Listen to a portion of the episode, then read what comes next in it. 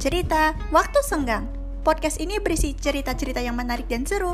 Tema ceritanya banyak, seperti tentang pertemanan, persahabatan, percintaan, dan lain-lain. Podcast ini akan tayang setiap seminggu sekali, yaitu di hari Jumat pukul 4 sore waktu Indonesia Barat. So, stay tune only on cerita Waktu Senggang. thank you